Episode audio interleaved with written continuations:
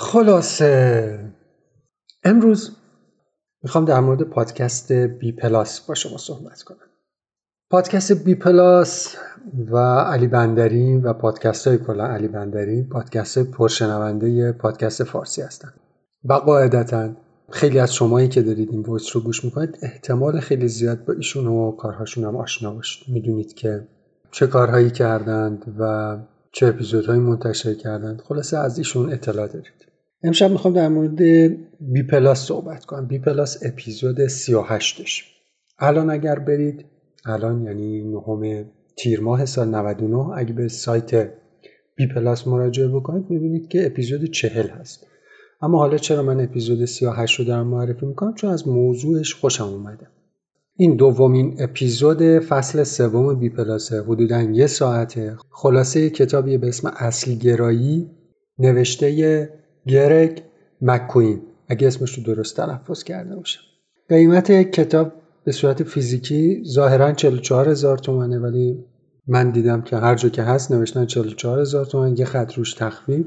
قیمت فیزیکی 35200 تومن 20 درصد تخفیف. و فیدیبو هم که نسخه الکترونیکش رو میفروشه با قیمت 19 هزار تومنه.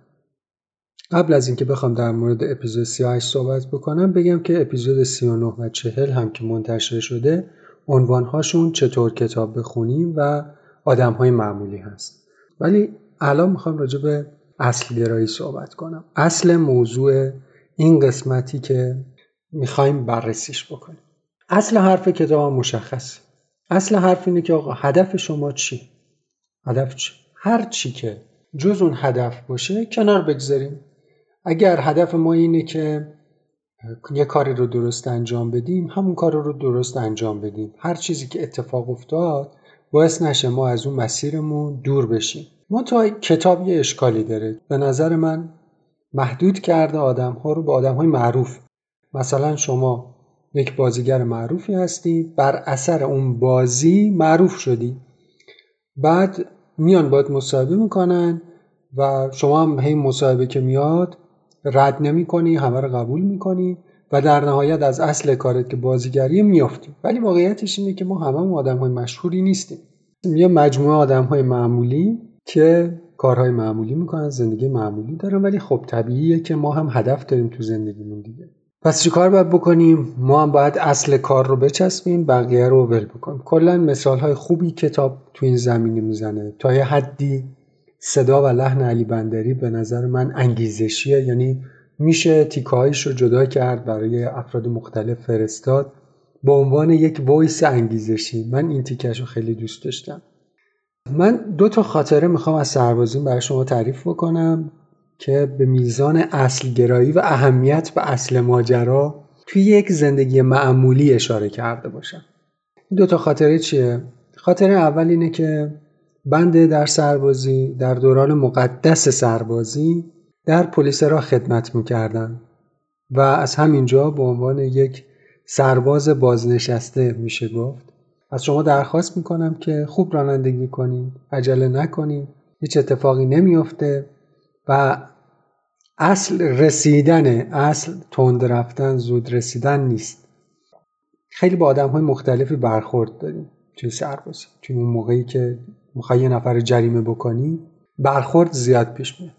یه برخورد برای من جالب این بود که ما وقتی یه ماشینی رو به خاطر سرعت زیاد متوقف می‌کردیم می‌خواستیم مدارک بگیریم. قبل از اینکه مدارک رو از طرف بخوایم سریع می‌گفت جام سامان یه لحظه صبر کن.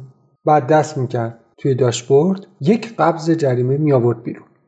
می‌گفت جناب سامان ببین من همین ده دقیقه پیش جریمه شدم تازه جریمه شدم. دیگه لازم نیست شما بندر جریمه بکنید. اصل جریمه اصل این کاری که یک پلیس داره انجام میده اینه که شما جریمت می‌کنن که اون کار رو نکنی که اون کار رو ادامه اگه سرعت رفتی دیگه سرعت نری.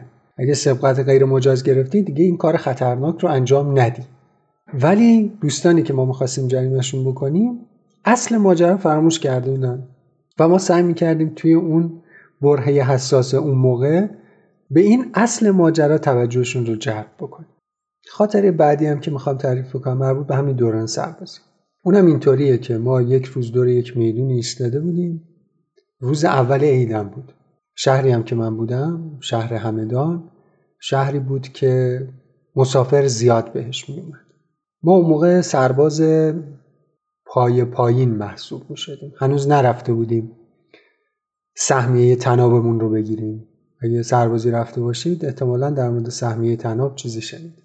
خلاصه یه بند خدایی از پرسنل کادر پلیس راهنمای رانندگی اومد به ما گفت آقا دور میدون توقف کردن جریمه داره. ممنوع هست. شما بی زحمت هر کسی اینجا توقف کرد پلاکش رو برای بنده یادداشت بکنید. من آخر وقت اداری میام این شماره رو از شما می‌گیرم. شماره پلاکار رو از شما می‌گیرم و یه جریمه توپل دوستانی که بیقانونی کردن رو جریمهشون میدم بعد ما هم گفتیم چشم احساس وظیفه در ما قلیان کرد و گفتیم که باشه آقا ما این کار رو می‌کنیم.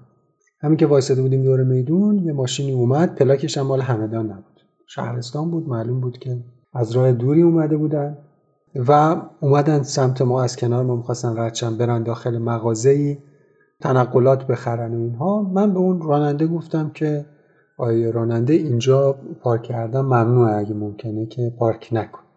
محل سگ به ما و رفت. رفت توی مغازه. منم خب گفتم که من بهش گفتم دیگه. روی کاغذ پاره در واقع. پلاکش رو یادداشت کردم که انتهای ساعت کاری بدم به پلیس راهبری که میاد از من جریمه بگیره. بنده خدا دید. دید که من پلاکش رو یادداشت کردم. بعد خانمش هم تو پیاده رو بود. اومد بیرون کرد داد بیداد. نه با ما با خانمش. که تقصیر تو بود تو گفتی اینجا نگه داریم. من الان جریمه کردن. دیگه داشت خودشو می‌زد. اونقدر ناراحت شده بود که من گفتم الان سکته می‌کنه روی اون اون کاغذ پاره شد مثلا چند تا شماره دیگه هم نوشته بودم. رفتم گفتم آقا خودت اینقدر ناراحت نکن. اون کاغذ رو جلو چشش پاره کردم. مثل آبی روی آتیش حالا فیلمش بود یا هرچی سوار ماشین شد رفت. بعد اونجا با خودم فکر کردم که آقا این اصل مسافرت برای چیه؟ شاید اون تنقلاتی که می‌خواست بگیره از ده تا این جریمه که ما می‌خواستیم بکنیم کمتر بود. ولی این بنده خدا بر چی اومده؟ اصل ماجرای سفر چی؟ اومده تمدد اعصاب اومده یه حالی بکنه اومده از اون استرس و شرایط داخل شهر جدا بشه. من اینجا نمیفهمیدم. خلاص از اصل ماجرای پادکست دور نشیم. حالا این دوتا خاطره من بر چی گفتم؟ به این خاطر گفتم که به نظرم می‌رسید کتاب اصلگرایی رو کسی بخونه یا حداقل این پادکست رو وقتی گوش می‌کنه به این نتیجه می‌رسه که ما حتما باید یه هدف بزرگی داشته باشیم اون هدف اصل زندگی ما باشه و در راستای اون اصل زندگی قدم برداریم. یک چیز کلی شاید از اون کتاب و از اون پادکست به آدم می‌رسه هرچند که به نظر من اینطور نیست. برای همین این دوتا مثال رو زدم که شاید بگم که اصلگرایی شاید توی جز جز زندگی ما جاری و ساری هست و ما بهش توجه نمی کنیم به اصل ماجرا توجه نمی کنیم به اصل اون کاری که براش اومدیم به اصل اون هدف کوچیکی که براش داریم. حالا هدف مسافرت می‌خواد باشه یا هدف از یک جریمه ساده که اتفاق میفته شاید خواستم خاطره گفته باشم و اصل ماجرا که پادکست بی پلاس بود رو کمتر بهش اشاره کردم. ولی اجازه بدید که این یادگاری بمونه از این پادکست دوست داشتنی و خاطره من برای شما.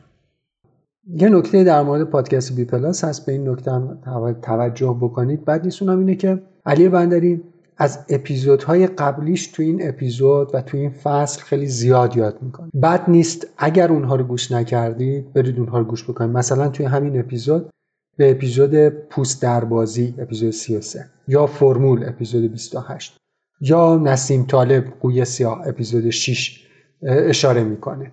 و فکر می‌کنم که واقعا جز پادکست هایی که ارزش گوش دادن داره. و من طولانی صحبت کردم. احساس می‌کنم که از اصل ماجرا که معرفی یک پادکست بود یک اپیزود از یک پادکست بود خیلی دور شدم. پس همینجا شما رو به خدای بزرگ میسپارم پادکست خوب گوش کنیم